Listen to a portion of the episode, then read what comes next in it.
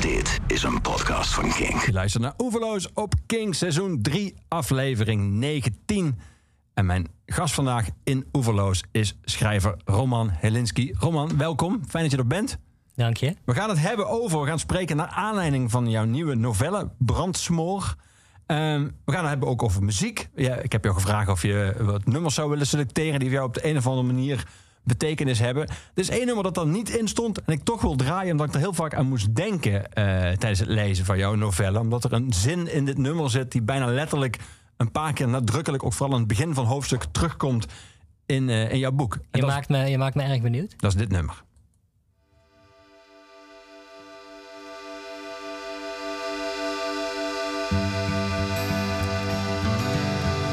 Toen ik nog heel klein was en van het leven niks begreep, alleen maar speelde ode en sleep.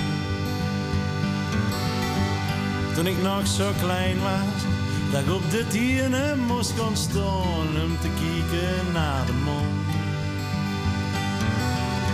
Witte strepen in de lucht, kniep de ogen half dicht, elke wolk was een gezicht.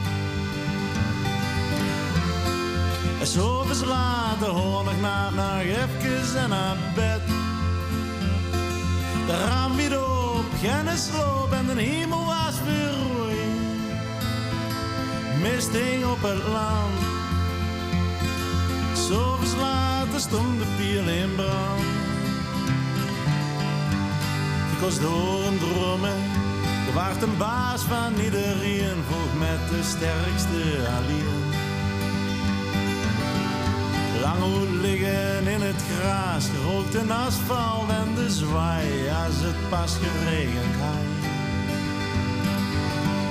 Je had het maar met die een ding druk, groter weer, maar wat ook deed, echt veel alder wordt het niet. S'avonds later hoor ik na nog even en naar bed. De raam weer op, geen sloop en de hemel was weer. Mist hing op het land. S'avonds later stond de pier in brand.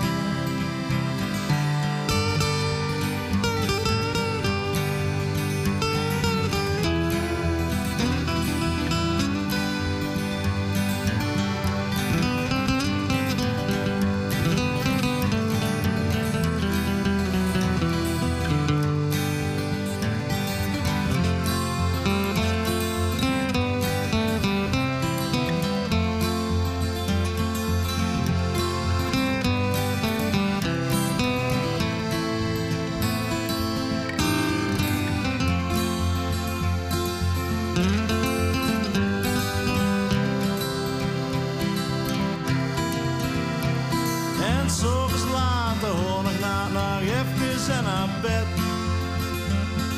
De raam weer op, geen sloop en de hemel was weer. Mist hing op het land. S'avonds later stond de pier in brand.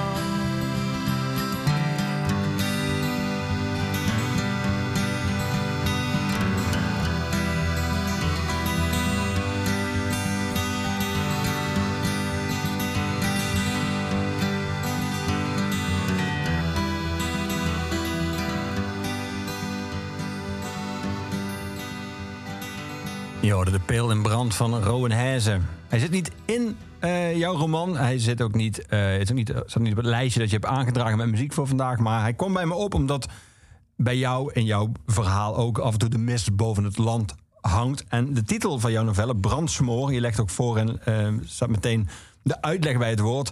Droge als rook neerhangende nevel in den voorzomer, waardoor de bloesem der vruchtbomen bedorven wordt. Hoe kom je bij dit woord, brandsmoor? Ehm, nou, ik moet eigenlijk zeggen dat ik het ook niet kende, het woord brandsmoor. Eh, mijn, eh, de, zus, de vriendin van mijn broertje, die kwam met dit woord. Die, zei, die had een deel gelezen. En die zei, je hebt het hele tijd over mist, maar heb je alles van brandsmoor gehoord? Ehm, en brandsmoor is dus inderdaad eh, een soort ja, mist die, die, die tussen fruitbomen hangt. Nou, de, de bloesem speelt een, eh, een grote rol in het boek. Ja. Eh, er is een, eh, een, ehm, een bloesemperiode. De, het boek beschrijft ongeveer drie weken. De- er wordt een jongen wordt verliefd op een meisje. Heel obsessief verliefd, zou je misschien kunnen zeggen. En dat, die liefde ontwikkelt zich... Smoorverliefd zou je bijna zeggen. Als, het niet, als hij niet zo voor de hand lag. Ja, ja, smoorverliefd. Ehm nee, dus die speelt inderdaad... eh, ehm, ehm, in die drie weken ontwikkelt die liefde zich. En dat is precies de periode dat de appelbloesem eh, bloeit. Ja, en en zeg maar de levenscyclus van de bloesem. Eh, dus op die manier kwam ik bij die, bij die, bij die mist. die, die een heel belangrijke rol in het boek speelt, ook door het hele boek heen. ja, Dus leuk dat je met, dat, met die zin in, in dat nummer komt. ja. Even om het verhaal eh, kort neer te zetten. Die jongen, Tristan, die, is, eh, die gaat bijna studeren. Die gaat journalistiek studeren. Die woont nog in een, een dorp, een denkbeeldig dorp, Hucht. Eh, dat bestaat eigenlijk uit een, kerkdoor eh, en een beeld van een bokkerij op de markt, een supermarkt en een bakkerij. Dat is, zeg maar, dat is, de middenstand van de Hucht. En zijn vader die verdient wat geld bij door Moldaviërs. Die, die komen te werken bij een, distributiecentrum, een Aziatisch distributiecentrum. Door die eh, te huisvesten, althans als je het zo kan noemen. Want die worden eh, neergezet en gelegd in een, in een tent waar dan wat, eh, wat bedden staan. En onder die Moldaviërs zit één meisje, Sophie, een prachtig meisje. En daar is Tristan echt meteen ongelooflijk verliefd op. En daar projecteert hij echt werkelijk alles wat je op zijn leeftijd over de liefde kan denken en bedenken, zit in Sophie. En er is, en daar, wil ik, daar gaan we uitgebreid daar verder over praten, maar is, in het dorp is wat, wat en vervolgens steeds meer weerstand tegen de komst van die vreemdelingen, die dan s ochtends met een wit busje worden opgehaald en dan de hele dag gaan werken in dat distributiecentrum. Ehm, dat, dat beeld, want jij komt zelf, jij woont in Amsterdam, maar je komt uit eh, Zuid-Limburg Klopt? dat beeld van eh, een dorp dat bestaat uit slechts een kerktoren, een beeld van de bokkerij op de markt, een supermarkt, een bakkerij en geen slagerij meer, want die is in jouw boek weggeconcureerd. Dus voor vlees moeten de mensen alweer een dorp verder. Naar Jul. Ja, nou, precies. Is dat, is dat een beeld dat uit jouw jeugd is blijven hangen van een Limburgs dorp? Of is dat zelfs een, een beeld dat heel erg past bij jouw eigen jeugd? Nou, ik kom uit, uit Nut. Dat ligt eh, in, in, echt in het zuiden van Limburg.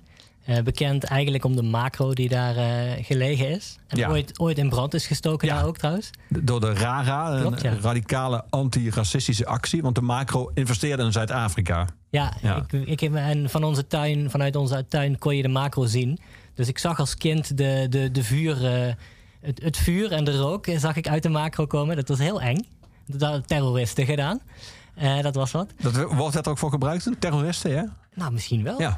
Ja, ik, ja, ik weet eigenlijk niet hoe we dat... eh, ja, actievoerders. Maar ja, iets in brand steken. Dat Ja, is toch ja. wel next level. Ja. Ehm, nee, dus, eh, dus eh, ehm, ik kom zelf uit Nut. En Nut is redelijk groot wel. Ik denk dat daar wel, wel ik weet, 10.000 mensen misschien wonen. Ja. En dat is wel meer dan een kerk. Maar ik ben wel natuurlijk veel gaan fietsen in Limburg. En veel gaan wandelen in Limburg. En zo'n mooie kleine gemeenschap, die kom je wel tegen. Ehm, en bijvoorbeeld in dat dorpje Hucht, fictieve... Ik wilde een fictief dorp maken, omdat ik dat mooi vind... om daar vaker naar terug te keren in de toekomst, in boeken. Ja. Eh, ik vind dat idee vind ik heel erg tof. Dus je hebt eigenlijk een dorp gecreëerd wat je vaker kan gebruiken als decor Ja, voor je, voor je werk. Ja, en de, de, de novelle speelt eigenlijk een beetje buiten het dorpje af. Ja. Het dorp ligt op een heuvel en de, de novelle speelt op een hoeve die aan de onderkant van de heuvel ligt. Eh, omringd door dus eh, boomgaarden en holle wegen. En, ehm, ik heb bijvoorbeeld zo'n bokkenrijderbeeld. Ja, ik vind dat zo bij Limburg passen. En, en daar zit dan zo'n soort mythe achter. En ik vind dat idee heel mooi. En dat gaat dan ook over eh, volksbedrog. Hè? Ik bedoel, zo'n eh, bokkenrijders, misschien moet ik het kort uitleggen... maar dat was dan een bende vroeger...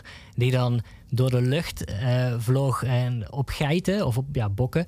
Ehm, en die pleegde dan overvallen. En Dat zijn geweldige... eh, Suske en Wiske heeft er een keer een aflevering over gemaakt die heel goed was. En ehm, het komt op heel veel plekken komt terug in Limburg. En dat vond ik wel, als ik dan toch een Limburg decor schetste, dan wilde ik het wel op die manier doen. Met, Ja. met, met, en bijvoorbeeld de toren van Hucht is dan eh, een witte mooie toren. En de toren van, van eh, Jul, het Ja. verderop gelegen dorpje, Die wel een dan- slagerij hebben. die wel een slagerij hebben, die is dan eh, grijs. En dat vinden de mensen in Hucht, vinden dat dan, voelen zich wel iets beter omdat hun toren wit is. Dus dat, ik vind dat mooie dingen. Ja. Maar zoals jij het dorpje, dat dus echt niet bestaat, beschrijft, lijkt het bijna alsof je op je werkkamer of je schrijfkamer of waar je ook schrijft, een soort maquette hebt staan. Want je, je, je, je vertelt alsof je, alsof je het echt voor je ziet, het dorpje Hucht. Ja, ik denk dat mijn hoofd gewoon wel zo werkt eigenlijk. Dat ik dat, De maquette is in je hoofd. Ja, dat denk ik wel. ik heb het niet uitgetekend. Eh, ook die boerderij en die hoeve, hoe dat, dat dan allemaal uitziet, dat heb ik dan. Je hebt bijvoorbeeld de hoeve en dan heb je een groot erf. En het erf was dan belangrijk, want op de eerste pagina van het boek komen de Moldaviërs aan op het erf. En dan staan vader en zoon te kijken. Ehm, en later worden de, de Moldaviërs opgehaald op het erf door het busje. Dus dat is een belangrijk. Dus je hebt een erf, je hebt een hoeve. En dan daarachter heb je de fruitbloesem en de bomen. En daarachter heb je een leeg grasveld. En daar staan dan tenten met eh, twee tenten waar dan vijf Moldaviërs in wonen. En Ja. daarachter heb je nog een bos, wat dan niet helemaal van de boerderij is. Maar waar die jongen vaak naartoe gaat. En dat had ik dan weer in mijn eigen tuin. Dus we hadden een grote tuin in Nut. En achter onze, onze land had je dan een, een prikkeldraadhek en daarachter was het bos van de gemeente. En daar klommen we natuurlijk vaak over om te kijken wat daar dan was, want zo werkt het ook. Ja, en? Wat was daar? Niks. ja, ja, gewoon natuurlijk niks. Ja, bomen. En, eh, maar af en toe schoot je de bal er en dan, moet je, dan moest je er naartoe. Ja, ja, ja. En ben je ook, vind je nu aan jezelf verplicht, nu je ehm, Hucht hebt neergezet in deze novelle en daar meerdere verhalen in de toekomst eh, zich zal laten afspelen, dat daar een soort van eh, interne logica in zit? Of mag jij jezelf permitteren om de hoeven te verplaatsen, opeens een ander beeld op de markt te zetten, opeens is er toch een slagerij, of kan dat nu niet meer? Is Ja, Hucht gedefinieerd nu? Dat is, een hele, dat is echt een hele goede vraag. Eh, en een hele leuke vraag. Ehm, ik ben natuurlijk de baas eh, in Hucht. dus ik mag, dat wel, ik mag daar wel dingen verleggen. Maar die, die interne logica, en, en, eh, ja, die moet wel kloppen. Dus ik, je kan een wereld scheppen. Maar als schepper van een wereld en ook als lezer... weet jij voel- gevoelsmatig weet je wat wel en niet kan. Ik weet dat als, als schepper, maar de lezer weet dat ook. En als ik iets, iets heel geks doe, dan denken mensen, oei, dat, dat, dan haken ze af. Dan stopt hun fictionele droom, heet dat volgens mij in de literatuurwetenschap. Dan denken ze, hé, dat is gek. Kijk, als die bokkenrijders daar door de lucht gaan vliegen, dan kan dat nog tof zijn als ik dat goed opschrijf. Maar anders denkt een lezer toch van, nou, dat is wel een beetje gek wat daar gebeurt. Ja, ja. Dus ik, de- dat, ik, ik mag doen wat ik wil, maar het is wel risicovol om te veel te doen. Ja. We gaan muziek draaien, eh Roman. We gaan eh, eerst naar Nick Cave met het prachtige nummer People Ain't No Good. Ehm, hoe, wanneer, weet je nog wanneer Nick Cave in jouw leven kwam? Nou, veel later dan dat ik hem. Ik heb hem een, een keer in de kerk in Utrecht trad hij een keer op met gedichten, volgens mij, niet met muziek. Eh, in dat oude mooie postkantoor in, eh, Ja, op Neuden. op Neuden Ja. daar. Waar het zo galmt. Ja, en toen wist ik niet wie die was. Eh, ik, mijn muziekkennis zal je misschien teleur gaan stellen het komende uur. Ehm, maar ik wist niet zo goed wie Nick Cave was. En ik heb wel zijn gedichten geluisterd, vond ik mooi toen. Eh, maar later kwam ik, stuit ik steeds meer op zijn muziek. En nu schrijf ik heel vaak op, op, eh, oh ja, op nummers van hem. En, en, en dit nummer vond ik specifiek erg leuk, omdat het People Ain't No Good. Ehm, je zou kunnen zeggen dat die boodschap wel op een bepaalde manier uit mijn werk spreekt. Ehm, dus ja, daarom vond ik het wel een toepasselijk nummer. Ja, we gaan hem draaien. Nick Cave.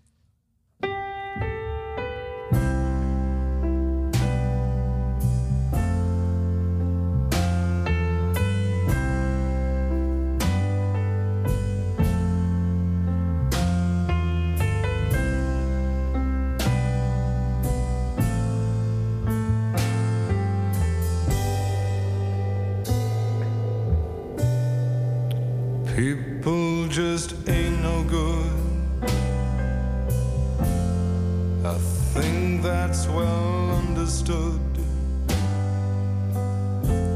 You can see it everywhere you look. People just ain't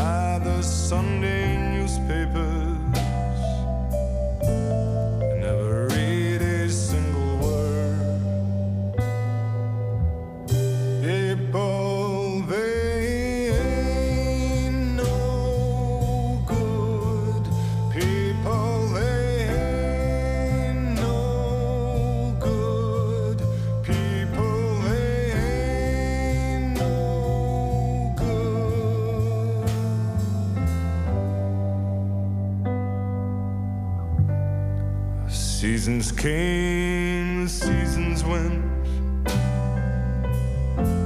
The winter stripped the blossoms bare. A different tree now lines the streets,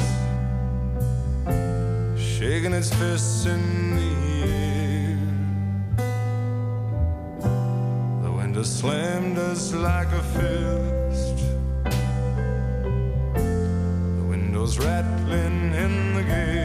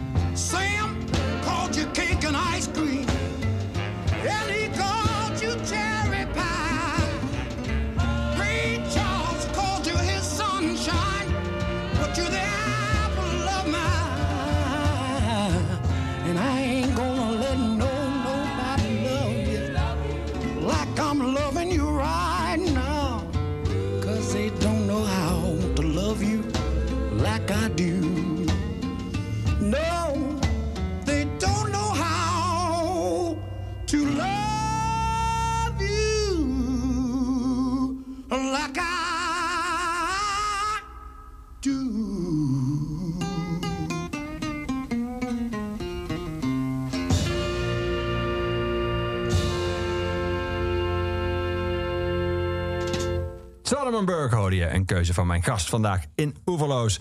Roman Helinski van eh, de nieuwe novelle Brandsmoor. Eh, Roman, waarom deze? Waarom eh, Solomon Burke met Can't Nobody Love You? Of moest, dat, moest je daarbij denken aan die hoofdpersoon van jouw novelle, Tristan, en zijn onbereikbare, nou op een gegeven moment toch ook wel behoorlijk bereikbare eventjes, Sophie.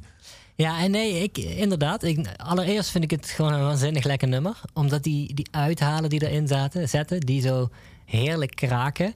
Ik denk dat ik dit nummer ooit een keer op, eh, op, op een platenspeler heb gehoord. Nou ja, En daar- ook wel een beetje bij. Ik hoop die een beetje Ja. grijs gedraaid was. dan. Oh, heerlijk. En dat kraakt dan. En eh, mijn vader had vroeger van die, van die boxen in de schuur staan. Eh, we hebben een grote schuur in de tuin. En dan, daar speelde hij al, altijd nummers op. Er zit nog één nummer in het lijstje wat hij daar wel eens op draaide, volgens mij. Maar deze zeker ook, Solomon Burke. Maar hij draaide niet in- bij jullie in de woonkamer. Ehm, Hij ging gewoon naar de schuur, want dan kon hij lekker blazen. Als, ja, als het lekker weer was. Hmm. Lekker zo buiten. Hij werkte heel veel in de tuin. En dan ging hij lekker daar in de tuin eh, ging die plaatjes draaien. Eh, Stones. eh, dat soort dingen. Dus als kind zette ik dat dan vaker op. Ehm, maar ik weet dus officieel niet of Solomon Burke ertussen zat. Maar die had er wel tussen kunnen Ja, zitten. Ik ja. heb het wel zo gehoord. En, en het gaat inderdaad over een... een het, het is een obsessief eh, lied, eh, op een bepaalde manier. Ja, Eh, dus ik vond dat wel passen bij mijn hoofdpersoon eh, Tristan, inderdaad. ja. Dus, eh, ja. Die Tristan, die eh, naast het droom over Sofie, als hij eenmaal in zijn leven is gekomen, is een van die eh, Moldavische mensen die eh, door zijn vader eh, worden gehuisvest in, in, in, die tent. En die allemaal samen dat distributiecentrum werken.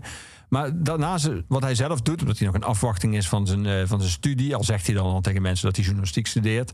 Eh, hij kijkt heel veel series en hij kijkt ook superheldenfilms op zijn kamer. Eh, je had het net even over die interne logica en dat je dat meteen door hebt als iets niet kan. Eh, ik was wel benieuwd wat, jij, wat jouw eigen vroeger jou, wa- wa- wa- waar, droomde jij, keek jij weg? Wat waren jouw culturele referenties? Was dat strips? Want je noemde even net die Suske en met de bokkenrijders. Of was dat ook superhelden boekjes of strips of films? Nee, superhelden niet. Ik heb dat wel echt in het boek gestopt, omdat ik het een beetje een, eh, een jongere generatie wilde laten zijn. Dus eh, bijvoorbeeld mijn broertje, eh, ik heb een broertje van, eh, die is nu, ja, nu ook alweer eh, 32.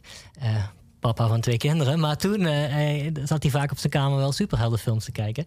Eh, dus ik vond dat wel leuk. En jij Eh, zelf niet? Nee, ik ben daar toch misschien. Ik zit daar net iets boven qua leeftijd. Ik ben 38 eh, nu.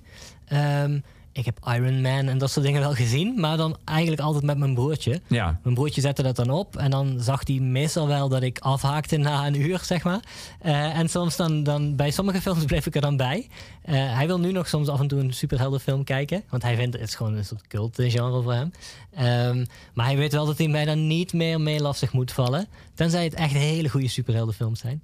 Ehm, nee, ik heb vroeger eh, ja, heel obsessief. Dus dat komt dan misschien ook wel terug in hoe, hoe obsessief die jongen is. Ik heb heel obsessief Suskes en Wiskes gespaard tot mijn twaalfde. Ehm, en dan echt beurzen aflopen met een kleine portemonnee. En dan, het is natuurlijk helemaal niet moeilijk om die, om die nummers te kopen, want, want die, ja, die zijn gewoon beschikbaar. Ja. Maar dat was toch een ontzettende zoektocht altijd. Nou, er zijn natuurlijk wel, eh, vooral volgens mij in het begin heette het ook niet Suske en Wiske, heette Suske anders. Eh, dat waren volgens mij van collectors items, die a- allereerste edities en zo. Ja. Zo- Zocht je die dan? Of? Nee, ik zocht echt gewoon, gewoon die reeks bij elkaar. Het maakte me ook niks uit of het, of het, of het oud of nieuw was. Ehm, maar op een gegeven moment groeide ik daar toch wel gelukkig nog wel redelijk snel uit.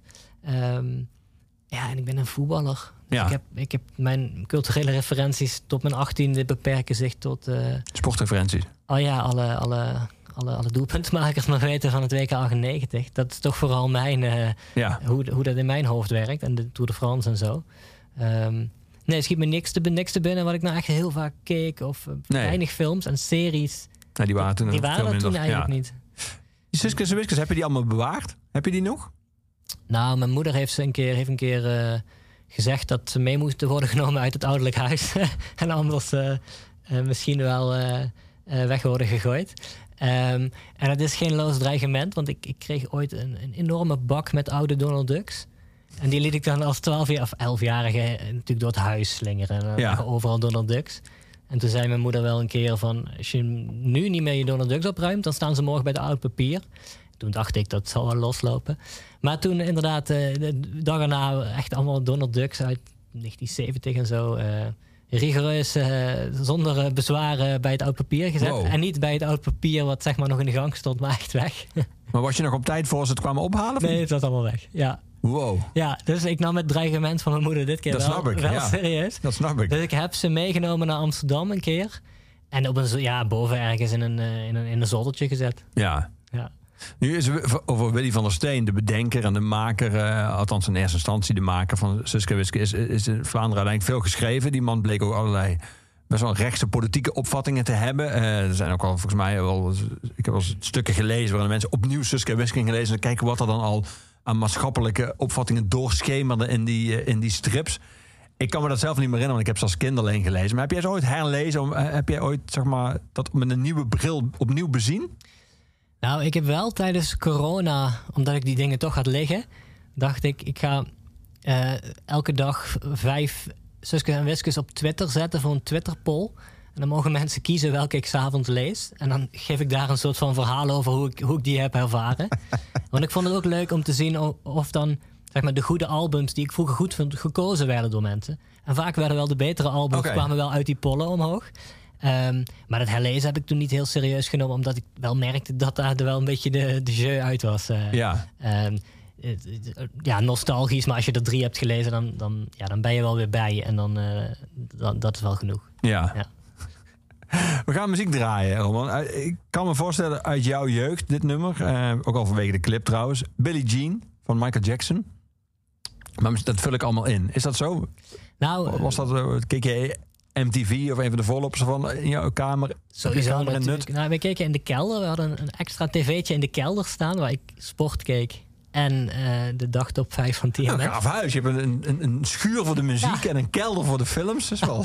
Ja, we hadden een groot, eh, we hebben een groot huis in Limburg. Mijn moeder woont er ook gelukkig nog steeds. Ehm, nee, dus dat, dat, ja, dat, eh, dat keek ik wel, eh, de TMF. En, en Michael Jackson, eh, ik kom uit een familie eh, die eh, heel fan was van Michael Jackson. Eh, echt als familie. Dus ik, weet, Oh. ik herinner me nog dat, dat Michael Jackson optrad in, eh in Weddendas op de Duitse Met RTL. Thomas Gottschalk. Ik weet niet wie het presenteerde, maar ik weet dat hij geen kwam. En dat wij dat wisten. En dan zat de hele familie gewoon Duitse tv te kijken, omdat daar de grote Michael Jackson zou komen. Wat ik ook wel bijzonder is, dat hij in een tv-show optrad. hè. Ja, ik weet niet welke nummers hij bijvoorbeeld gedaan heeft, welk jaar dat was. Eh, maar mijn vader danste ook best wel goed op Michael Jackson. Mijn broertje heeft. Kon je een- vader de moonwalk? Ja, zeker. Wow. Mijn, mijn broertje ook. heeft een hele goede moonwalk in huis. Eh, dus altijd als er een feest is, dan gaat het allemaal zo. En dan gaat de dansvloer wat vrijgemaakt. Maar tegenwoordig natuurlijk niet meer. dus dat is wel... eh, ehm, ja, het is altijd moeilijk hè, om... om om- wat, wat kan je nog goed vinden van iemand waarvan je wel duidelijk hebt gezien... Ik heb die, die documentaire natuurlijk Ja. gezien. Die hebben we allemaal waarschijnlijk wel gezien. Ja, dat is natuurlijk echt, echt, echt heel erg fout. Ja. Maar hoe- straalt dat voor jou af op zijn muziek? Nou, dat is wel een vraag. En, en daarom dacht ik, ik zet hem erbij. Ik had hem, zoals je zag, ik moest acht nummers eh, doorgeven. Ik heb er negen doorgegeven. Michael Jackson op negen. Dus ik twijfelde een beetje. Ja. Maar ik draai, draai hem nog wel zelf, of niet? Nee, nee. En is dat dan sinds die documentaire? Of is dat gewoon omdat het gewoon lang geleden is of niet meer muziek, muzieksmaak is? Of... Nou, ik vind het wel gewoon nog echt wel goed. Ik merk, dat merk ik wel. Maar ik, hij zit nu niet in mijn, mijn vaste lijsten die voorbij komen. Dus misschien eh, is dat ook gewoon luiheid van mijn kant. Ja, Eh, maar ik vind het wel nog gewoon goed. ja. Bruce Springsteen zei ooit: Trust the art, not the artist. Dat, is een- dat zou de escape route kunnen zijn. Ja, laten we die, eh, die inzetten nu.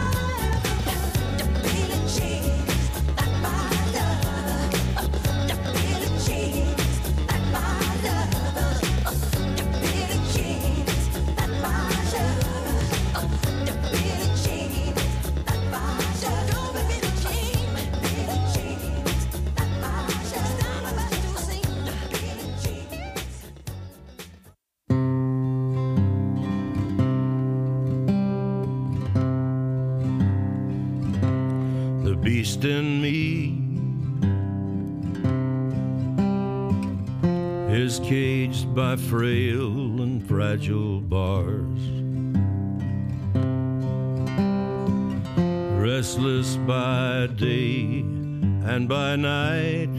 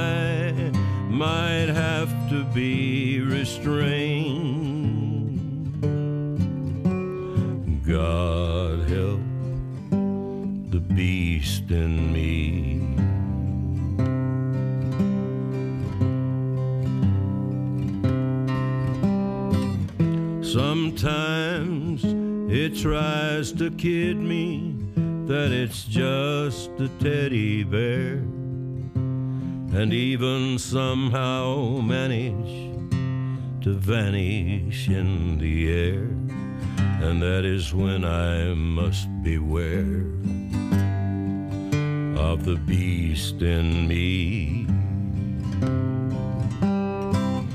that everybody knows.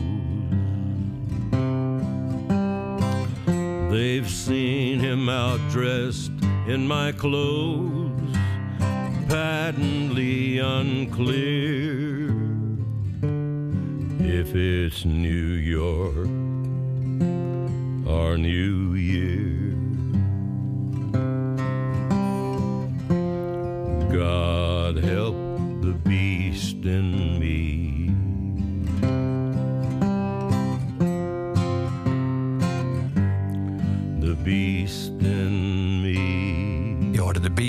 van Johnny Cash. Waarom die, Roman? Ehm, dit is echt gewoon smaak. Eh, ik vind Cash gewoon heel erg mooi. En vind je Cash vooral mooi sinds die, eh, die plaat allemaal met Rick Rubin heeft gemaakt? Zoals die uitgeklede platen, die eh, American Recordings. Of ook de oude Cash die ook nog kerstplaat heeft opgenomen. En heel erg, heel erg hardcore country klonk af en toe. Vind ik erg leuk om, om te luisteren. Ken ik ook wel. Ik klik soms op, op Spotify en dan gewoon cash aan en dan, dan komt er van alles. Ja. Maar ik heb wel vaak, als ik werk, eh, zet ik soms de, de American Recordings op. Dat zijn echt 170 nummers of zo Ja. inmiddels. Ehm, ja, dat is wel echt te gek. Ja. Dat, eh, dat, Maar dat kun je dus wel, want ik kan me, voor- je, je zei bij eh, Nick Cave dat je dat ook draait eh, eh, ehm, tijdens het schrijven. Nu zijn het allemaal nummers, ook dat nummer wat je uitkoos van Nick Cave, die allemaal best wel stemmig zijn. En ook, er zit niet heel veel dynamiek in, maar ze zijn ook wel heel eh, textueel, eh, tekstgericht. Ik zou me kunnen voorstellen dat je dan, eh, terwijl je zit te tikken, naar de tekst gaat luisteren. Ja, als ik het, waarschijnlijk als ik het de eerste paar keer luister wel. Ehm, maar eh, omdat het inderdaad niet zo heel erg, er niet zoveel dynamiek in zit, dat werkt dus kennelijk wel goed bij mij. Zodra er een soort dynamiek in komt, dan, moet ik, dan kan ik in ieder geval niet schrijven. Dus dan, zet ik hem, dan zet ik hem af. Ik heb dat ook in cafeetjes. Ik, ik kan ook heel goed zonder eh, kop, koptelefoon werken en gewoon luisteren naar, het, naar de mensen om me heen. Maar als er dan mensen met een bepaalde stem. Een Nou, hoge, snerpende stem. Ja, maar of- ook ja, of zo'n ja, hoog snerpend sowieso. Ehm, maar ook, ook nog, ik kan niet zo goed uitleggen, maar zo'n kraakstem of Oh zo. ja, Nou, of als iemand eh, heel erg Amerikaanse vrouwen praten, weet je zo. ja, eh. dat lijzige, dat is ook Ja. lastig. Ja, en dan kan ik me... Maakt niet eens uit waar het over gaat, maar dan, dan stopt alle concentratie. En dan pak ik ook mijn spullen zonder hè, vervelend te kijken, maar dan pak ik mijn spullen en ben ik weg. Ja. Want dat heeft, gewoon, dat heeft gewoon nooit meer zin. Die, als die, dan schat ik in hoe lang ze blijven. En dan denk ik, nou, die, die hebben één kopje, die zijn zo weg. Eh, en dan blijf ik wel zitten. Maar, als je ziet dat ze de hele kaart bestellen, dan, ja, dan ben jij het café ja, uit. Ja, dat heeft, eh, eh, dat heeft weinig zin dan. Dat werkt gewoon niet. Ja, Het is ook niet erg. Iedereen heeft... Ik heb ook, ook niet... je hebt een hele mooie volle stem. Ik heb ook een ander soort stem. Ehm, maar ja, nee, dan moet ik echt weg. Ja, Wegwezen. ja. Hey, terug naar het verhaal van Brandsmoor. Ehm, die Moldaviërs die komen, die komen daar wonen. Die, die eh, andere dorpelingen die reageerden in eerste instantie een beetje eh, argwanend op. En op een gegeven moment gebeurt dat al. Er is iets gestolen dorp. Die dorpelingen denken, ah, dat zullen zij wel hebben gedaan. En ze zien die mensen door het dorp lopen. Ze vinden het een beetje intimiderend. En die vader eh, van Tristan, die dus eh, geld verdient aan die mensen, dat hij die tenten eh, eh, verhuurt, zeg maar. Eh, die merkt op een gegeven moment dat die eh Moldaviërs, die gaan natuurlijk die gaan het dorp in, die gaan Hucht verkennen eh, en die willen ook naar de kerk. En dan, dan zegt die vader van, daar komt gedonder van. En dan zegt eh, Tristan, de hoofdpersoon, van, ik kan me best voorstellen dat die mensen willen zien in welk dorp ze beland zijn. Net als iedereen hoopt ze deel uit te maken van een gemeenschap. Onze gemeenschap. Heb jij zelf het gevoel dat jij onderdeel bent, nu wonend in Amsterdam, of vroeger wonend in Nut, van een gemeenschap? Ja, ja. Zeker in, in, in Amsterdam. Ik, ik ken de... Ik woon daar nu, nou ja, vijf jaar. En eh, ik, ik snap hoe het werkt of zo. Ik, ik, snap, ik, ik snap wanneer je een praatje maakt... of eh, wie om een praatje verlegen zit... en, en misschien even wat hulp nodig heeft. Eh, ik snap de dynamiek in het park. Ik, ik woon aan het Oosterpark. Ehm, een geweldige plek. En ik ga daar heel vaak een boek lezen. Nou, en s'avonds ik herken de mensen die daar lopen. En die herkennen mij denk ik ook inmiddels wel. Want ik zit daar gewoon best wel vaak te lezen als het mooi weer is. Ehm, zonder mijn telefoon. Dus helemaal lekker geconcentreerd. Dat is eigenlijk de enige manier waarop dat nog lukt tegenwoordig Ja. om het te lezen. Ehm, en dan, en dan, er zitten bijvoorbeeld ook heel veel eh, wel daklozen of alcoholisten. Ehm, maar die vallen me eigenlijk niet lastig. En, en ik heb ook een bepaalde ja, daar is een bepaalde afspraak. En dat is best wel interessant om te merken. En dat is wel volgens mij gewoon een, ja, de gemeenschap van het park is dat dan. Ja. Ehm, en zeker in zo'n dorp eh, vroeger eh, waar, je dan, waar je dan opgroeide. Ja, dat is wel als je daar als vreemdeling, en al ben je zeg maar niet eens eh, een, buitenlandse vreemde, maar een vreemdeling uit een andere deel, van, dan, dan kennen mensen je niet. Als je dan in een kroeg binnenloopt, dan, dan zien mensen wel, tenzij het natuurlijk een heel toeristische kroeg is, maar dan zien mensen wel van, oh, die is niet van hier. En dat is niet per se erg, maar het is wel meteen een, een, een typering. Ja. Ehm, ik woonde een tijdje, een jaar in Den Haag, in de, de vruchtenbuurt in Den Haag, in een, eh, in een huisje. En eh, op één avond deed, de, ehm, deed mijn tv het nog niet. Ik woonde er net en mijn tv deed het niet. En toen wilde ik Ajax kijken. En dacht ik, ja, hoe ga ik dat hier doen? Nou, dan ben ik maar in een kroeg Ajax gaan kijken. Maar het was echt de volk, eh, de, de, ja, de buurtkroeg en echt heel volks. En de eerste tien minuten weigerde de barman me gewoon een drankje te geven. Die zei echt, wat doe jij hier? En het was letterlijk, wat doe jij hier? En dan zei ik, voetbal kijken, mag het? En het hadden gewoon een heel groot scherm. En toen heb ik daar uiteindelijk dan drie uur met, met mannen voetbal gekeken. Echt de vaste groep. Daar zat ook verder niemand. Er waren vijf mannen of zo. En ah, het was wel een ervaring, moet ik zeggen. Het was, En waren zij, stonden jullie hetzelfde? Waren zij ook Ajaxiet? Of waren ze dat juist niet? Of, eh, want dat kan me voorstellen dat ook vrij bepalend kan zijn voor de sfeer. Ja, ja nee, dat, dat, eh, ik, ik, ik, ik maakte mezelf wel iets neutraler dan ik, eh, dan ik, eh, dan ik ben. Je juichte, inwendig. toen, ik, toen ik binnenkwam, heb ik dat, dat had ik dan al met mezelf afgesproken. Maar het waren meer mannen die voetbal wilden kijken. Ja, ja. Maar de, de, en uiteindelijk, na drie uur, gingen ze me biertjes kopen. En zeiden ze, blijf je nog eventjes? En toen zei die man van, ja, als je hier nu in de... Als je problemen hebt, moet je gewoon binnenkomen vanaf nu. Dus toen hoorde ik erbij. Ja, met die Eh, gemeenschap. Ja, ik ben dan niet meer naar binnen geweest daarna. Eh, mijn tv, Nou, heb je dus, dus nooit meer problemen gehad, dat is ook fijn. mijn, tv, mijn tv deed het ook weer. Ehm, nee, dus ja, dat, dat, dat, die, ja, dat gemeenschappelijke. Dat, dat, ehm, en terug naar het boek eh, in Brandsmoor. Ik denk wel dat ook zeker als je dan opeens vijf Moldaviërs die de taal niet spreken Ja. door een dorp lopen. Ehm, ik wilde niet eens schrijven over. Alle dorpen willen geen buitenlanders. Daar gaat het boek echt niet over. Ehm, maar over de, de onrust die het kan veroorzaken als er mensen, mensen rondlopen die, die misschien niet vandaar zijn. Toch de, de, het onbehagen wat mensen dan, dan voelen. En echt niet alle mensen. Er zit ook een scène in waarin de vader vraagt. eh, die mensen spreken namens het dorp, zeggen ze. En de vader vraagt van hoeveel mensen wonen er eigenlijk in het dorp. En jullie zijn met zes. Ehm, en dat vind ik wel iets, iets wat ik ook wel heel veel om me heen zie. Hè? Dat we nu in een maatschappij zitten waarin dan eh, een groep iets zegt en dan doen we net alsof heel Nederland dat vindt. Ehm, dat, dat is van alle tijden waarschijnlijk, maar ik vind dat het wel nog wat duidelijker eh, te zien is de laatste tijd. Eh, dat wilde ik er ook wel heel graag in hebben. Het is niet het hele dorp, want er zullen ook mensen wonen die dat allemaal prima vinden. Maar dat is wel iets om, eh, om, om, om. Ik vond dat wel een heel mooi gegeven in ieder geval. Om, om, het is natuurlijk een eeuwenoud motief, vreemdelingen in een gemeenschap. En dat er dan iets gebeurt. Ja. En ik hou heel erg van, heel erg van kleine gemeenschappen. Ik heb die wafelfabriek, dat vorige boek speelt in een wafelfabriek.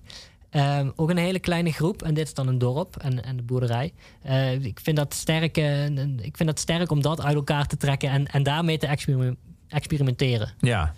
Maar als, jij, als ik jou vraag naar jouw gemeenschap, dan noem jij, eh, je woont in Amsterdam, maar dan noem je zeg maar, je noemt eigenlijk het park waar je aan woont. Dus in, en, in Den Haag was die gemeenschap eigenlijk dan dat café. Eh, dus kennelijk als een geme als, als zeg maar een wat op zichzelf de gemeenschap zou moeten zijn of kunnen zijn, namelijk de gemeente, de stad, heel groot wordt, dan ontstaat daarbinnen een gemeenschap, een soort kleinere.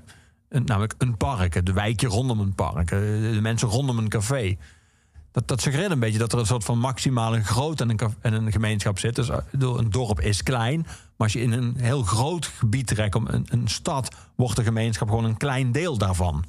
Kennelijk. Ja, ja, nou kijk, je hebt natuurlijk wel in Amsterdam zal, zal Amsterdam zal juichen als Ajax eh, de Champions League wint. Dat, dat, dat is dan weer, weer eh, dan is het wel weer. Ja. eh, het, het ligt een beetje aan. per moment ook. Ja, de, de, de, er is een verschillende, verschillende gradaties. Ja, in, ja. eh, je hebt een soort gelegenheidsgemeenschap nou ook. ja, ja, je wijk natuurlijk. Heel veel mensen zitten in een buurt-app. Nou, dan is het de app. En dan geloof ik, en ik wil geloven, dat het dan heel persoonlijk kan worden. En dat je dan op een gegeven moment, als je het, als je het goed speelt, als je bijvoorbeeld kwaad wil doen, dat je dan de ene buurt tegen de andere kan opzetten.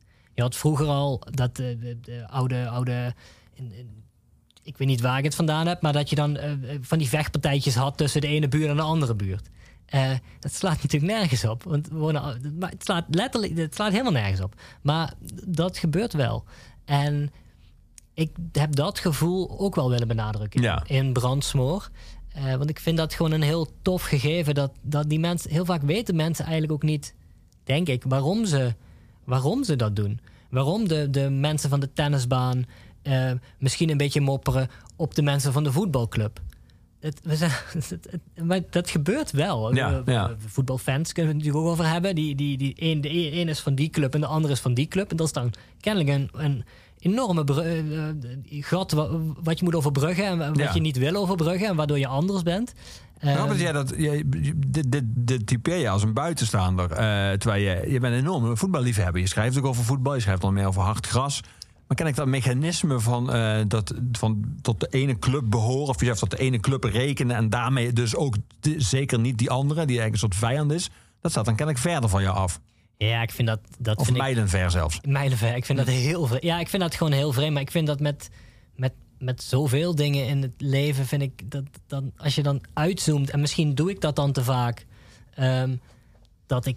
Nou ja, van de week, ik, ik, voetbal, ik voetbal elke week eh, in een team met mijn, eh, met mijn broertje. Die heeft een voetbalteam in Utrecht. eh zes tegen zes met vrienden van mijn broertje. Tegen, tegen andere teams. Ja, en daar is één team. En het, het lijkt wel All-Stars, die, die serie. Dat is één team. Ja, en die haten ons. en die willen altijd vechten. Maar eh, wij, wij zijn een team van, van twee schrijvers. Eh, Frank Heijnen speelt ook in het team. eh schrijver Frank Heijnen. En ik dan, de- dat zijn de schrijvers. En antropologen. Nou, dat is geen club die wil vechten. Maar die jongens willen altijd vechten. Die, die zijn zo agressief. En dat, dat loopt elke keer. Dat loopt elke keer. We, we treffen ze dan zeg maar, één keer in de twee maanden. Ja, het loopt altijd uit de hand. En, en dat is omdat wij een, ander, ja, een andere kleur shirt aan hebben. Want we zijn allemaal jongens die op donderdagavond een vriendschappelijk wedstrijdje met elkaar spelen. Meer is het niet. Dus als je dan uitzoomt, zou ik denken, even rustig. Maar ja, wij zijn de tegenstander. Ja. Ik, ja, ik vind Hebben ze dat, dat bij iedereen dan, denk je? Of, of, dat is een interessante vraag wat jullie dan kennelijk oproepen. Of, of is het gewoon het andere shirt is het antwoord op die vraag? nou, ik denk, ik heb wel de indruk dat, dat wij het nog meer oproepen, ja. dus ik, ik, misschien moet ik ook een beetje in de spiegel gaan kijken dan. Ehm, ik ben vast ook een vervelende voetballer. Ik ben ook wel vervelend, ja. Maar wel op een, op een, Vreedzame manier. op een vreedzame manier, ja. ja. We gaan muziek draaien, Roman. We gaan eh, iemand draaien, die heb ik eigenlijk lang niet meer gehoord. En ook niet gedraaid hier in Oeverloos. Dit, dit was de, de- deze plaat van Saint-Germain, want daar hebben we het over. Het was, ja, dat, in het jaar dat hij uitkwam, was dat de soundtrack van die zomer. Eh, tot het punt dat je dit nummer eigenlijk en deze plaat niet meer kon horen. Omdat elk Grand Café of strandtent die je betrad, hoorde je dit. Eh, dus ik vind het echt leuk om hem weer eens terug te horen. Maar ben jij, ben jij Saint-Germain trouw gebleven? Of ben jij, eh, hoe moet ik me dat? Of heb je die la- later pas ontdekt? Of hoe...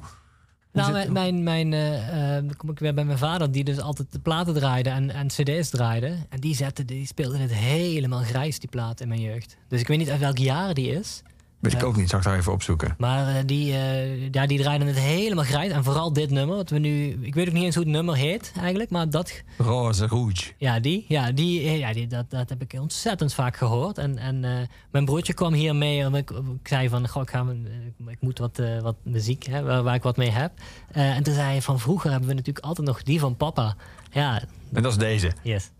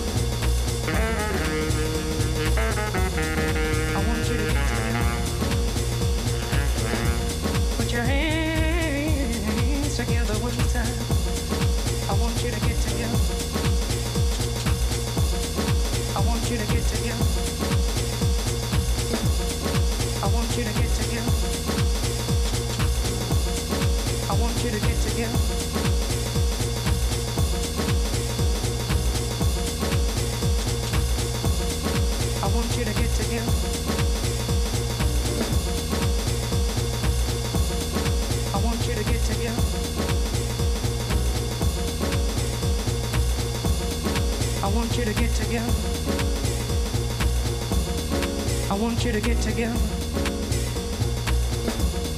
I want you to get together. I want you to get together. Put your hands together one time. I want you to get together. Tja, waar zou die I zijn want you to inmiddels? get together. Ik ben hem helemaal uit het oog verloren eigenlijk na deze plaat. Oh, we gaan nog een keer. Dat was niet de bedoeling. Ik heb geen idee waar die is. Nee. Leeft hij nog? Ja, hij leeft wel nog, ja. Dat wel. En deze galmde door jullie schuur, of niet? Ja. Ja, die dat is gaan wel we geschikt voor je. Ja, heerlijk. Zou ook misschien wel een goed schrijfnummer eh, kunnen zijn, bedenk ik me nu. Nu ik hem zo hoor. Nog een keer. Nou ja, je had het over een nummer dat niet te dynamisch moet zijn. Eh, Hij begint misschien met de suggestie van dynamiek, maar dan blijft hij natuurlijk gewoon redelijk Ja, ik door. denk eh. dat ik hier wel lekker op zou gaan eigenlijk. Je zei net eh, in een bijzin even over Brandsmoor dat jij niet het verhaal wilde vertellen, een soort van het geëikte verhaal van een, een, eh, een dorp, een hechte dorpsgemeenschap die in opstand komt tegen vreemde elementen, in dit geval die Moldaviërs. Maar ik kan me ook niet lezend in Brandsmoor een indruk onttrekken dat je wel ook iets wilde vertellen over de dynamiek van hoe, hoe zo'n gemeenschap werkt en hoe, hoe die zich verhoudt tot nieuwkomers en van wie een gemeenschap is. Moment gaat het ook over de vraag. Het zegt ook iemand van. Ja, maar het is o- ons, ons dorp. Ze gedragen zich alsof het hun dorp is, zegt iemand over die Moldaviërs. Je laat die eh, Tristan. Ik zal er niet te veel over verklappen. Laat je zelf ook iets heel doms doen tegen die Sofie. Waardoor hij ook. Waardoor het niet meer is dat, dat, dat het een goed is en de ander slecht. Maar hij is ook een soort dader eigenlijk in een, in een conflict. Ehm, kun je daar iets over vertellen? Wat jij, wat jij beoogde te, te vertellen aan de hand van dit verhaal over hoe zo'n gemeenschap werkt, anders dan dat eh, gesloten gemeenschappen tegen vreemde mensen zijn. Punt. Nou, ik, ik wilde wel iets maken over ongelijke eh, verhoudingen. Ehm, en ik denk dat er eigenlijk in het hele boek zitten ongelijke, scheve verhoudingen. Maxposities. eh de vader en Tristan wonen op het erf. Of wonen op de boerderij. Die Ja. mensen komen op het erf. Ja, die mensen hebben daar geen positie. Die wonen in tenten. Die slapen op matrasjes. Ehm, dat is geen goede positie. Dat meisje ten opzichte van die Tristan is niet gelijkwaardig. Zal ook, zij spreekt ook de taal niet. En zij spreekt ook geen Engels of Duits. Dus zij kunnen niet met elkaar praten. Nou, dus ik heb haar eigenlijk gekozen om haar, ja, stom te laten zijn. Zij kan niet met hem communiceren. Ehm, dat vond ik ook alweer het zoveelste voorbeeld van hoe, in wat voor positie hij haar brengt. Met zijn interesse in haar. Dat vond ik zeer ongelijk. Ehm, en hij is zich daar niet bewust van. De, de relatie tussen de, de, de dorpelingen en de Moldaviërs is, is, is hartstikke ongelijk. En op die manier heb je denk ik heel veel eh, ongelijkheid. Eh, die Moldaviërs werken in een, je noemde het al, een Aziatisch eh, distributiecentrum... wat daar sinds kort gevestigd is. Ik ben daar nog iets over aan het schrijven over dat centrum. Dat wordt een volgend boek, een volgende roman. En ook die verhouding is scheef. Die mensen worden opgehaald eh, in, met witte busjes. Ja, Eh, zo gaat het overigens echt, hè? ja, die, zo gaat het echt. Er zijn pas in, in Linnen, eh, dat heb je vast ook gelezen, zijn, zijn Roemenen onder verschrikkelijke omstandigheden aangetroffen. Die volgens mij met 60 op, op een, in een huisje of zo woonden. ja. Echt meerdere in een slaapzaal. Ja, pas hoorde ik dat, dat Polen of zo, die, dan, die zich dan vestigen in Nederland om te werken als seizoensarbeider. die allemaal rare gelddingen extra moeten betalen. Die worden gewoon afge... Zijn gewoon mensen die winst maken op, op, op arme mensen die, die geen positie hebben en naar hier komen. Ja. Ja, zijn dat heel vaak eh, zijn het eh, Polen, eh, soms Roemenen. Waarom heb jij gekozen voor Moldaviërs? Nou, omdat ik wel eens een. Ehm, ehm, ik heb wel eens even me een heel klein beetje verdiept in de. In de, de ik wilde niet een, een, een boek schrijven over, over eh, seizoensarbeiders die slecht worden behandeld. Maar ik ben een keer gaan fietsen. Ik maak fietsreportages met een vriend van me, een fotograaf. Ehm, en wij fietsen altijd eh, in het buitenland. Ja. Eh, we maken eh, zeg maar zes reizen per jaar. En dan gaan we naar Po- eh, Portugal of we gaan naar Tsjechië. We gaan naar Italië, we gaan naar Cuba. Komen op allemaal plekken. En toen ehm, reden we een keer in de Douro-vallei, in, eh, waar, de, waar de, de, de wijnen, de, de port, porten, druiven worden ge, geoogst. Prachtige plek. En dan gingen we in 40 graden eh, zes dagen fietsen door, eh, ja, door het landschap langs de rivier de, de, de, Douro, richting Porto. En op een dag waren we in een wijngaard fietsten we er tussendoor en het was echt ziedend heet. En toen zagen we een familie onder een, onder een boom, boom zitten langs de wijngaard. En toen zijn we daar naartoe gelopen. En eh, fotograaf David maakte foto's van. eh, die vroeg natuurlijk van mag ik. Een fotograaf komt altijd ergens aan en dan zijn mensen altijd nieuwsgierig van wat hij komt doen. Dus het is een hele mooie manier om een gesprek te beginnen. En eigenlijk, ja, we waren vrij snel Als je een duidelijk- breekijzer eigenlijk. ja, ja, ja, ja, dat werkt echt heel erg goed. Ja. Ehm, en ehm, toen bleken dat Bulgaren te zijn, een Bulgaarse familie, die daar eh, acht, met z'n achten, twee kinderen erbij, oma erbij, en die zaten daar. Die jochie zat op zijn computertje gewoon te gamen en ze waren aan het lunchen. En na de lunch gingen ze weer eh, eh, druiven plukken. En ze kwamen met de auto uit, uit ehm, Sofia gereden, de hoofdstad van Bulgarije. Nou ja, dat was, dat was heel bizar om te zien. Eh, we, we hebben een uur met ze geluncht. En, en eh, ze spraken een beetje Duits. En dat was, was, was een heel. Ze waren super gastvrij. En het was, we konden niet echt praten. Maar het was best wel een mooie, mooi moment om, om elkaar dat te zien. En toen hebben we nog twintig minuten wijn, eh, druiven met ze meegeplukt. Wat dan heel grappig was. Want wij hadden natuurlijk onze, onze poten helemaal open. En helemaal onder het bloed.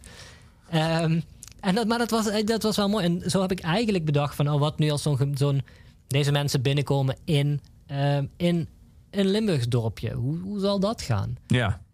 Dus ja, dat, zo kwam ik eigenlijk op, op, op mensen dan, dan eh, in een gemeenschap eh, brengen.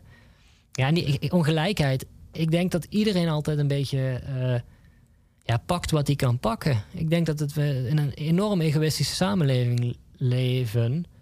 En niet Leven wij in een egoïstische samenleving of zijn wij egoïstische wezens? Ja, misschien heeft het een wel duidelijk met het ander te maken. Maar ik, Waar begint het? Ja, dat is een goede vraag. Ik, ik weet niet hoe dat. Waar egoïsme komt waarschijnlijk inderdaad vanuit mensen. Ehm, maar die mensen richten dan ook weer de samenleving zo in dat de samenleving.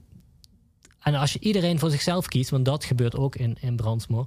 ehm, mensen kiezen voor zichzelf. Eh, die vader zegt op een gegeven moment: mensen pakken wat ze willen. Ja. Als ik ze hier niet had gevestigd, dan Dan had iemand ze wel gedaan. had de buurman ze wel. Zegt hij twee of drie keer een variant daarop. Ja, en, en, en dat vind ik wel. ehm, Ik zie wat van der Linde hoorde ik toen opeens. Ja, nou ja. Die, eh, daar laten we het daar vooral niet over hebben een keer.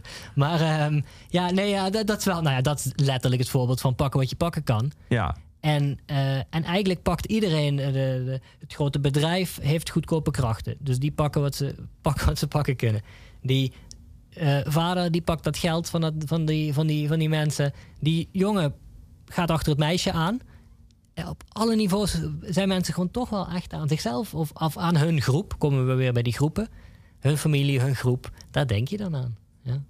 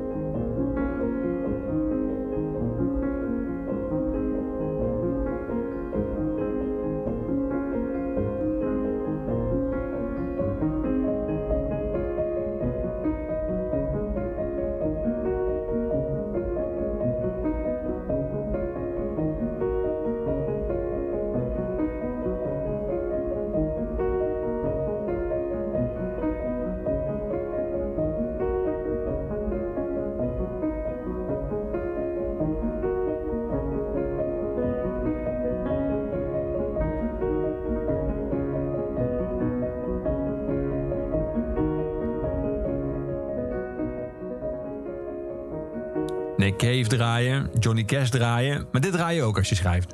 Ja, dit is echt, echt schrijfmuziek. Ehm, dit heb ik, ik denk dat ik dit nummer al, nou ja, ik ga niet eens overdrijven, denk ik 2500 keer heb geluisterd. En dan puur het nummer, niet, niet het album waar het vandaan Het album, maar op een gegeven moment komt er weer iets veel dynamiek. Dus eh, ik zet hem meestal hier, deze zet ik meestal zo na drie minuten aan. Het is gewoon een automatische klik. Ik hoef niet meer echt na te denken hoe ik dat doe. En dan ben ik, ik luister dit echt als ik eh, echt proza schrijf. En dan ben ik, kijk, als je corrigeert of eh, reisverhalen schrijft, dan, dan kan ik andere dingen luisteren. Maar dit moet wat neutraler. En als het dan iets te druk is in zo'n café, dan denk ik, oké, ik zet eventjes iets op. Dan zet ik dit op en dan eh, ga ik achter elkaar door. eh, Dit is section 1 van Ja. Canto. ja, en die begint. Ostinato. Ja, en, en daarvoor zit volgens mij nog applaus. Nou, het applaus dat kan je, niet, kan je er niet bij hebben als je schrijft. Dan moet je, dan moet je snel wegzetten.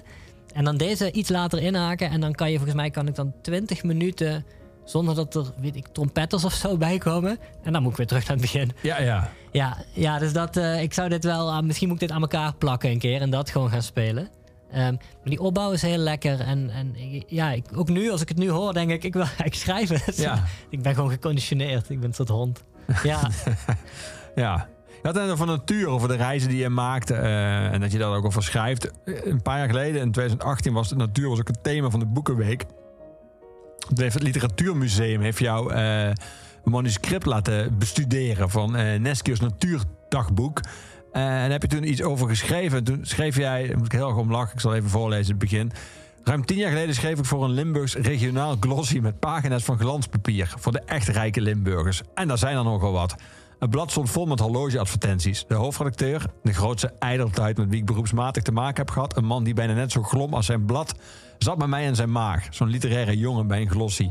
Uiteindelijk vroeg hij me om natuurverslagen te schrijven. Liefst kitscherig. Daar wond hij geen doekjes om. Ehm, Vervolgens leg je het stuk uit eh, waar je onder meer bij Russische schrijvers, eh Pastovsky en zo, wat je daar hebt geleerd van schrijven over natuur. Dat het niet alleen gaat om bijvoorbeeld dat iets blauw is, maar juist welke kleur blauw. Dat het heel erg zit in, in eh, details. En toen ben je het natuurdagboek van Neskio gaan, eh, gaan lezen. Je legde toen uit dat dat boek was eigenlijk helemaal niet bedoeld voor publicatie. Dat schreef hij eigenlijk voor zichzelf, voor zijn eigen plezier en eigenlijk om, om zijn eigen herinneringen vast te leggen. klopt. Ja, het, is wel leuk dat je over, over. Ik, ik was dat stuk... dit is een stuk uit 2018 nog eens mij. Ik was die intro vergeten. ik vind hem best wel goed. Ehm, maar eh, ik, ja, ja dat, ik schreef inderdaad voor, voor een glossy toen. Ehm, en eh Neskio, die... eh, ehm, ik zit nu inderdaad naar die muziek te luisteren op de achtergrond. Ja, mooi dat dat gewoon doorgaat. Nee, Neskio is, heeft inderdaad in, in mijn buurt gewoond in Amsterdam. Eh staat ook in het Oosterpark staat een mooi beeld hè, van de titaantjes. En hij heeft een dagboek bijgehouden wat eigenlijk heel erg saai is, als ik eerlijk ben. Want hij schrijft gewoon eh, eh, om zeven uur naar de Amstel gefietst, op een bankje gezeten, een boterham gegeten, teruggefietst. En dan neemt hij de dag later neemt hij de bus naar Weesp. En daar schrijft hij dan ook over. En naar Muiden. En daar schrijft hij dan ook over.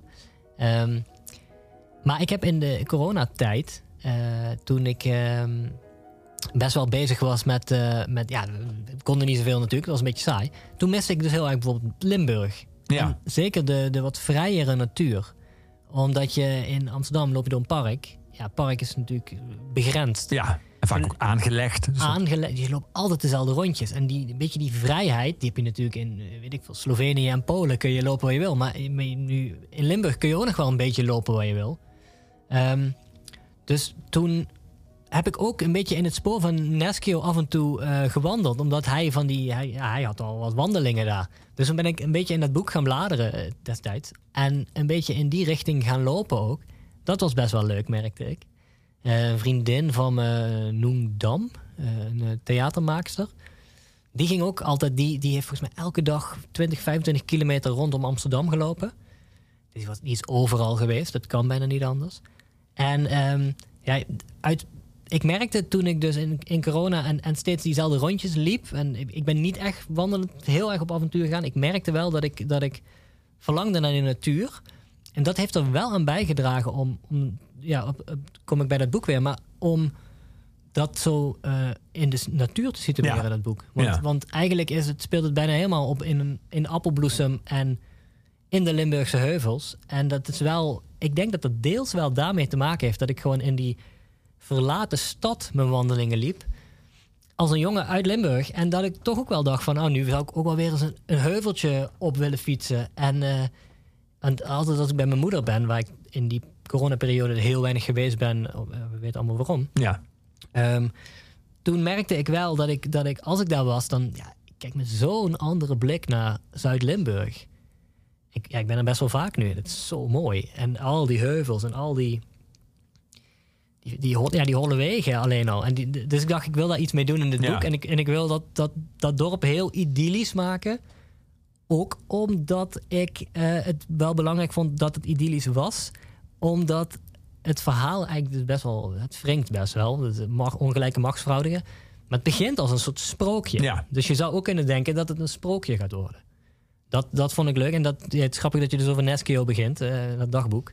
Eh, dat, dat is wel, die natuur eh, eh, zit daar een beetje, komt daarin terug. Ja. We gaan muziek draaien. Rob. We gaan naar Pete Seeger luisteren met Which Side Are You On? Waarom deze? Hoe komt deze in jouw leven? Ehm, nou, ik kende dit ook weer niet. Maar ja, je loopt altijd ergens tegenaan. En ik, ik volg een serie, die is inmiddels klaar. Er komt een derde seizoen aan wel. Succession. En het is echt een van de betere series die ik... Ik kijk heel graag series, meestal in bed, zeg maar zo vlak voor het slapen gaan. eh, niet te moeilijk, gewoon een hele dag gelezen en geschreven. En dan is het ook wel lekker om iets anders te doen. En ehm, eh, Succession is echt heel erg goed. En het is een soort familiedrama rond een media, media tycoon. En het loopt echt... Het is echt geweldig gedaan. Geweldige dialogen. En het is echt heel erg Goed goed. geschreven. Echt goed geschreven. En ja, dat is echt eh, het het beste wat ik in jaren heb gezien. En terwijl ik... eh, Zeker dat tweede seizoen, dat, dat, dat bouwt echt op. Dat is echt niet te doen. En een van die afleveringen... Ik, daar- ik hoor jou smachten naar seizoen 3. Ja, Ja, moet nee, je ja. kijken, even nog op wachten. Ja, ja, door corona is dat allemaal uitgesteld. Ehm, maar ehm, ehm, een van die, van die afleveringen eindigt eh, met dit nummer. En het hele, de hele aflevering gaat eigenlijk aan eh, erover ja, welke kant sta je, met wie, wie help je. En dan kwam dit nummer erin en dat, toen heb ik, dacht ik, oh wat goed gedaan zeg.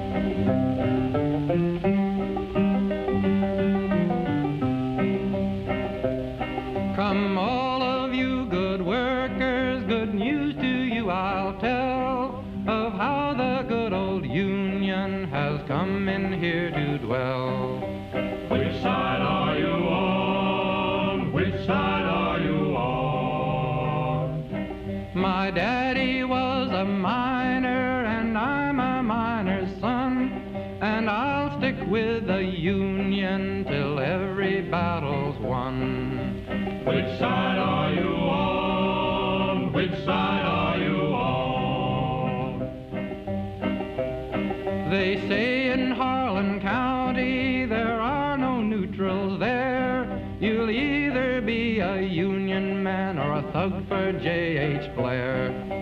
Which side are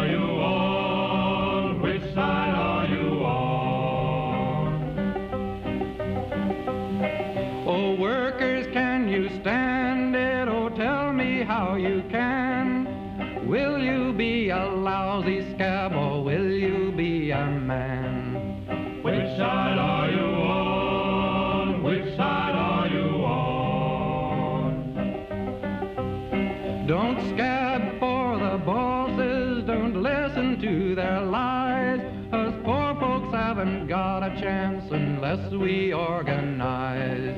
Which side are you on? Which side are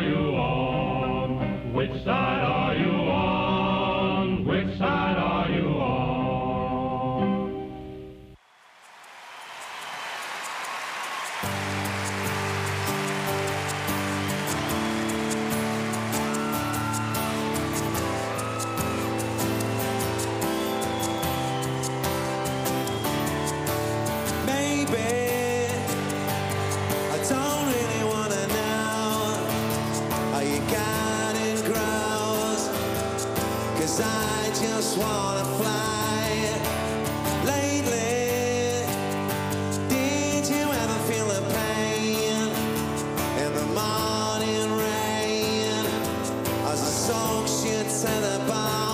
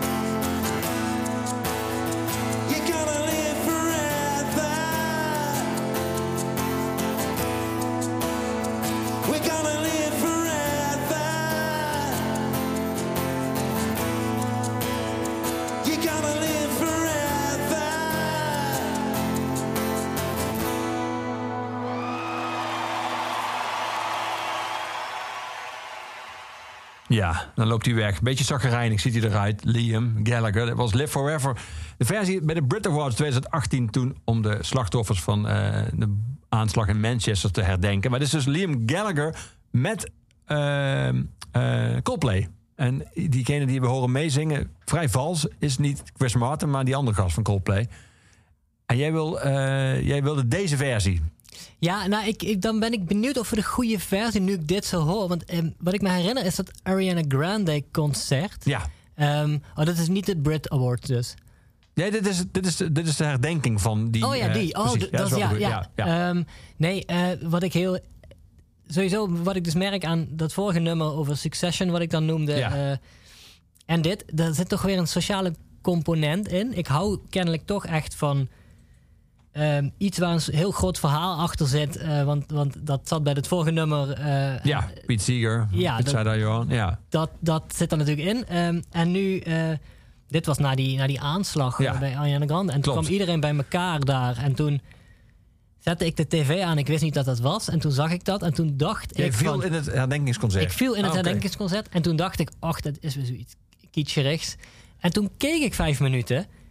En toen vond ik het eigenlijk heel integer en eh, mooi. Eigenlijk, ik vond dat er heel veel mooie optredens waren. En, en ik vond het ontroerend dat er allemaal jonge mensen daar naartoe waren gekomen. Terwijl er toch iets vreselijks was gebeurd daarvoor. En dat, dat, ze, dat die Ariana Grande zelf, die, die, die was helemaal Die kapot. is gebroken, ja. Die was gebroken, maar die, en ze hielden haar dan overeind. En dan ging iedereen zingen.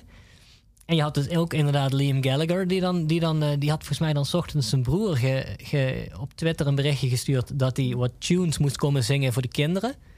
Ja, die andere had daar dus geen zin in. Ehm, en toen ging Chris Martin, ging volgens mij, volgens mij is Chris Martin, die ging volgens mij die partij overnemen.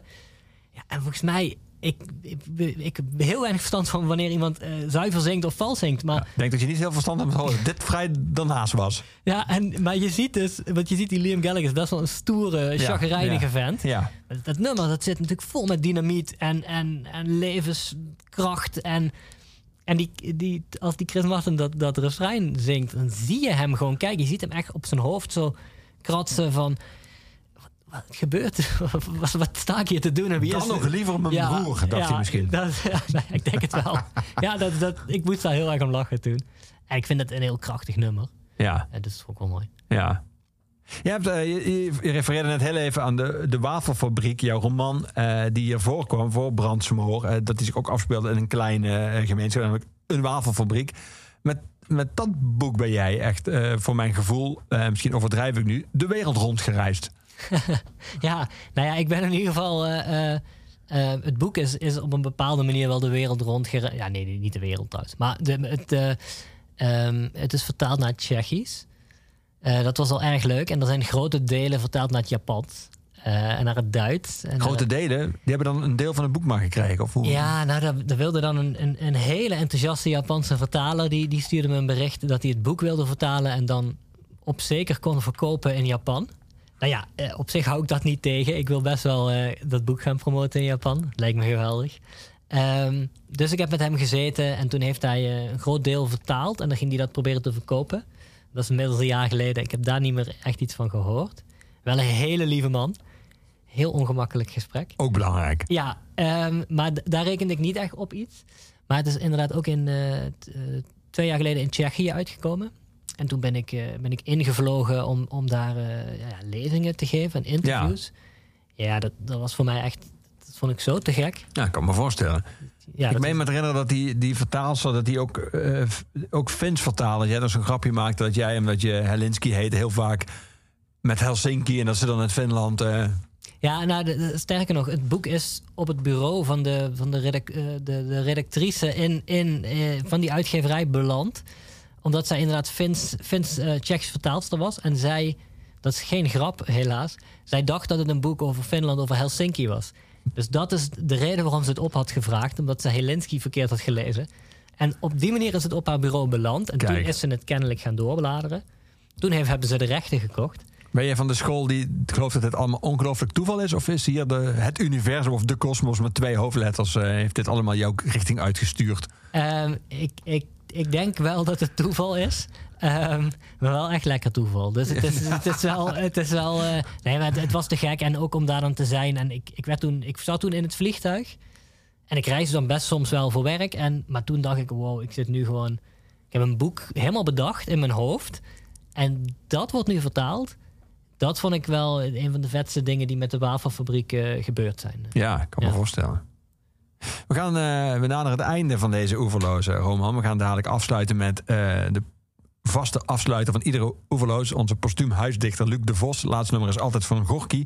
Maar nummer daarvoor is altijd nog een, een nummer van de keuze van mijn gast. We gaan dadelijk afsluiten met Neet Oet Lottem. De band rond en van Frans Pollux. Eh voor we daarover gaan hebben, nog even over. Je- je zei het al één of twee keer. Dat universum wat je nu gecreëerd hebt, of in ieder geval dat dorpje wat je geschapen hebt in Brandsmoor, dat zal vaker terugkeren. Je zei al even in een bijzin, je bent ook bezig al met een, een nieuw boek waar die, eh, dat, dat distributiecentrum een rol in speelt. Dat wordt je volgende roman, begrijp ik?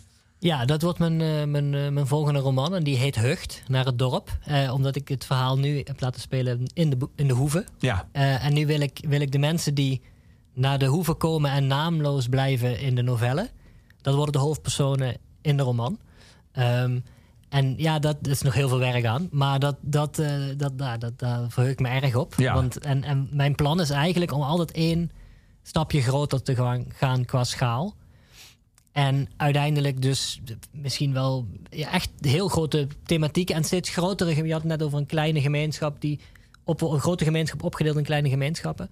Ik denk dat dat ook een heel mooi boek kan- kan worden. Een soort mozaïekboek later over met heel veel gemeenschappen en, en, en allemaal knopjes waar je op kan drukken en dat er dan van alles gebeurt met mensen. Dat is een beetje het doel, denk ik uiteindelijk. Ja. Als ik eh, 55, 60 ben of zo. We wachten geduldig af en dan vraag ik je dan terug in Oeverloos. Yes. Dankjewel dat je er was vandaag. Eh, dit nummer, tot slot, eh, Roman, eh, van Neet Oet Lottem. Eh, waarom deze? Ehm, nou, misschien heeft dat ook wel met die, met die soort van heimwee naar Limburg te maken. Die, eh, eh, die ik eh, voel. Sowieso zijn wij allebei Limburgers, volgens mij. Klopt. Dus ik vond dat leuk Ik kom om... uit de wereldstad Geleen. Ja, nou ja, ik kom dus uit... nou, dat is heel dichtbij, dat is fietsbaar. Klopt. Ehm, nee, dus dat, daar gingen we uit volgens mij vroeger. Ehm, maar nee, ik, die, die heimwee naar Limburg toen ik door rondliep in Amsterdam. En toen heb ik ook wel dit nummer bijvoorbeeld opgezet. Ik, vind, ik ken Frans dan ook wel persoonlijk. Eh, ik vond dat altijd een hele fijne gast. Ehm, en die heeft dit nummer denk ik 15 jaar geleden of zo, of misschien 12 jaar geleden geschreven en, en uitgevoerd met zijn band. En dat werd afgelopen winter werd dat een soort hit opnieuw. eh, omdat iedereen bij Serious Request volgens mij dat ging aanvragen. Ja, dus met, eh, hij heeft heel veel. Door het nummer van Rowan Heizer gaat over dat je geduld moet hebben. Maar Frans Pollux heeft echt geduld moeten hebben. Is nu eigenlijk een anthem. En heeft echt een hele lange aanloop gehad. Ja, en, en dat dat zo kan, dus zeg maar dat je wordt beloond als je gewoon kwaliteit maakt. En je hebt het misschien over toeval en het universum en dat. Maar als je dan kwaliteit iets blijft maken, dan, dan kan er iets gebeuren waardoor het opeens actueel wordt. Dan corona was dit dan de aanleiding Ja. van. Eh, en ik zette dat dan vaker op als ik langs de Amstel liep. eh, in die tijd. En, eh, en dan ging ik daar naar luisteren. En dat vond ik, vond ik, vond ik mooi. Vond ik Ja. leuk. ja, het is hem gegund. Zeker. Inmiddels verkoopt hij Carré uit. Nou. Hoe gaaf is dat? Ja. in jouw stad. Ja. We gaan dan luisteren. Nee, doe Lottem als afsluiter voordat we naar Gorky gaan luisteren van deze Oeverloos. Brandsmoor, uitgever de Hollands Diep, ligt nu in de boekhandel en we wachten vol spanning op eh, de roman Hucht.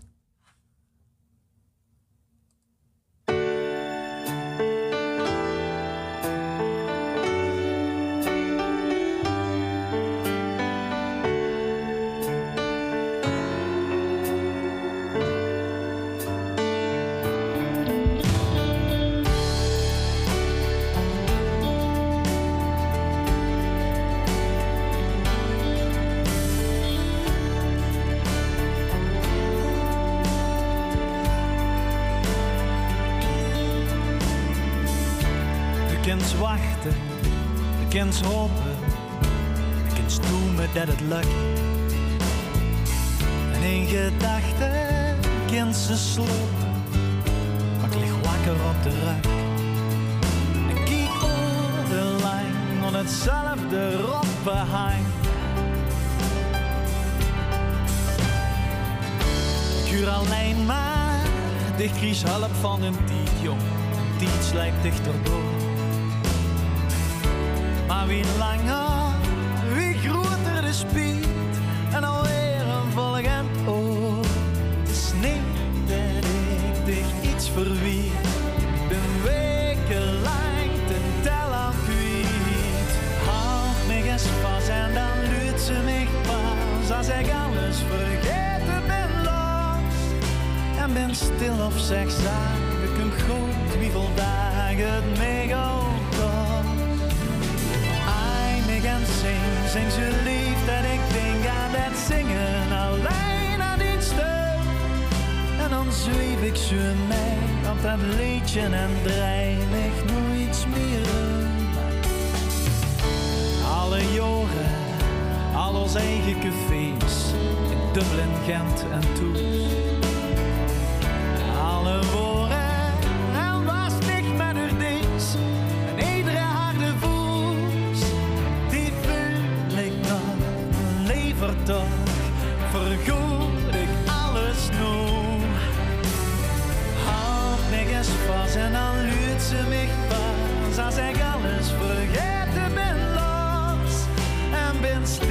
Zeg zaak. Ik ben goed wie vandaag het mega kost. Ai, me gaan zing, zing zo lief dat ik denk aan het zingen.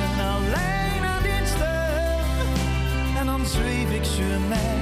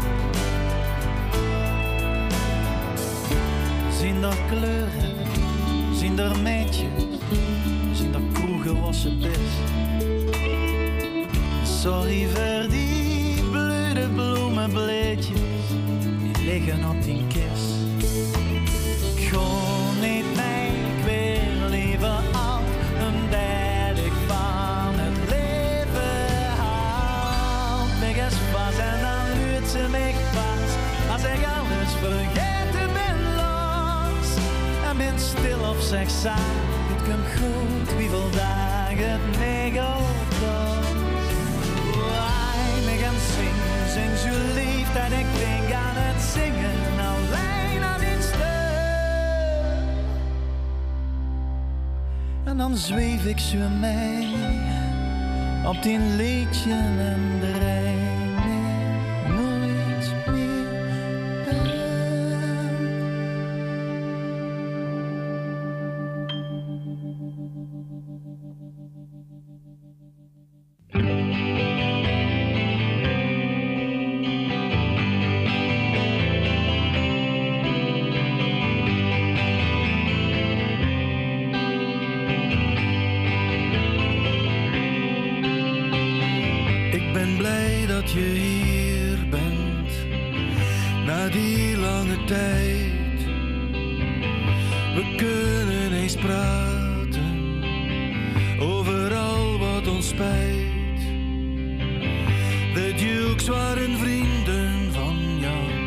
en de hulk was je held.